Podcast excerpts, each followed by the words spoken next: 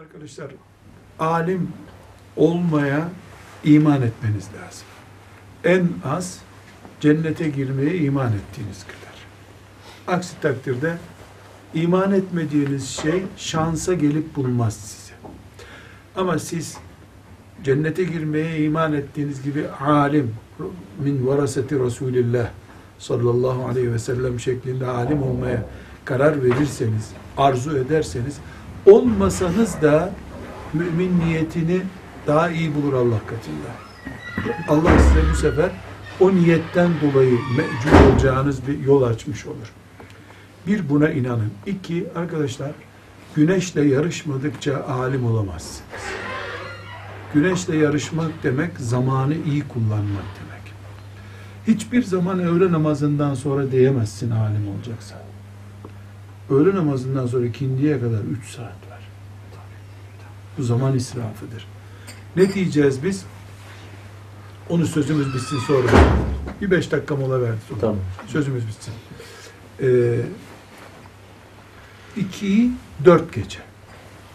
Randevumuz da üç dakika. İkiyi yedi gece ayrılacağız. Dakikalarla kullanabilirsen hayatı güneşle yarışıyorsun demektir.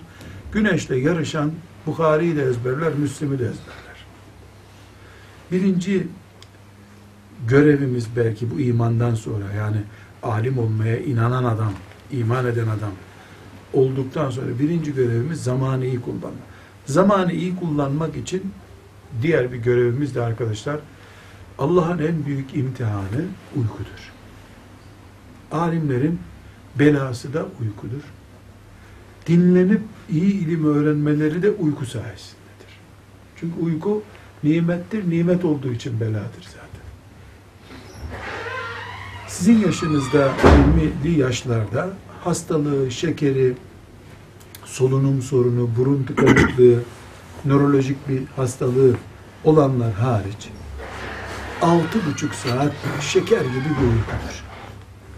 Yedi saat israftır. Dört saate düşürürsen bunun bedelini derslerde ödersin.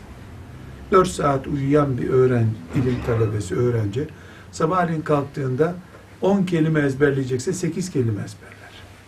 Uyku sizin yemekten önemli gıdanızdır. Uykuya önem vereceksiniz. Vaktinde standart aynı saatte uyumak zorundasınız. Aksi takdirde uyku yüzünden performansınız düşük olur. Ezberledim zannedersin bir hafta sonra unutursun. Uyku sizin en büyük ihtiyacınız. Uykuyu istikrara koyacaksınız. Bizim yastığı başına geçirme diye bir dersimiz var. Bunu izleyebilirsiniz internette. Bir başka başlık arkadaşlar, Rabbimizin kanunudur. Ee, insanlar ala dini halilihi yaşıyorlar. Herkes dostu gibidir. Dolayısıyla ben adın ne senin? Ferit. Ferit. Nerelisin? Malatya'da İzol. Buralı yani. Feride hiç düşünmeden 10 tane isim söyle bana dediğimde 9'u ilim adamlarından olmalı.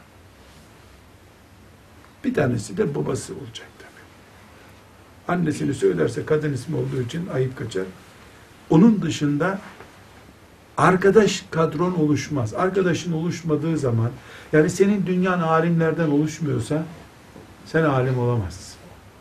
İthal olursun. İthal alim olmaz. Bir arkadaş dünyası oluşturacağız. Mesela internet kullanıyor musun? E kullanıyorum tabii. Face sayfan var mı? Var. Kaç kişi var orada seni takip eden? Senin takip ettiğin 50 kişi.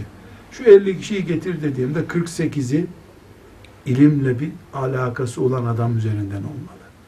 Yat, kalk, uyu, uyan ilimle ilgili olacaksın. Alimi konuşuyoruz ama. Müslümanı konuşmuyoruz. Müslümanın siyasetçi de olur.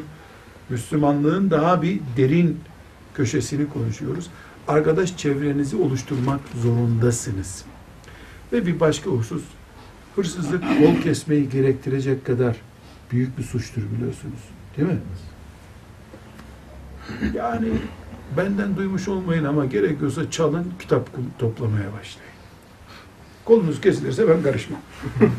Kütüphanenizi çalarlar. Ulan vakıf malı çalmayın. Muhardan muhardan çalın. Bir yerden çalın. Vakıf malı çalınır mı lan? Ümmetin malına dokunmayın.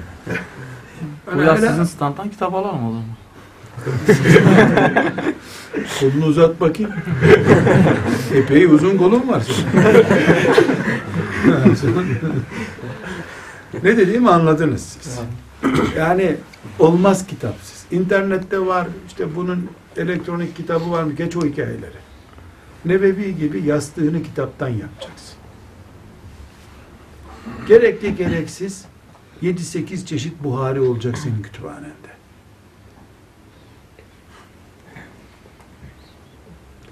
İbn Şihab diye birisi var. Karısı diyor ki keşke üç tane daha kumam olsa da bu adamın kitapları olmasaydı diyor. Hiç olmasın diyor. E, kumalarıma diyor birer gün gider dördüncü gün bana gelirdi hiç olmasın. Bu adam bu kitapları bırakıp hiç gelmiyor.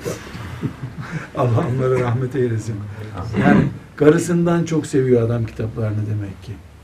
E o zaman biz bu ümmetiz. Okuma ümmetiyiz. Kitapları elbette şimdi sizin 10 bin cilt kitabınız olması gerekmiyor. Ama hangi hocadan ders okuyorsanız seni bu mesleğe iten kitapları nedir diye not alacaksın. Hadis hocası sana Buhari'yi anlatacak, İbn Hacer'i anlatacak. Yavaş yavaş başlayacaksın. Gençler alim olmak için dikkat edeceğimiz çok büyük bir afet veya çok büyük bir imtihan ya da çok büyük bir akabe önünüzdeki bir engel de evlilik meselesidir.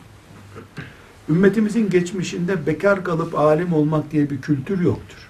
16 kişi sayıyor Abdülfettah Ebu 10 binlerce alimin arasından 16 kişi bekar olarak ilim öğrenmiş.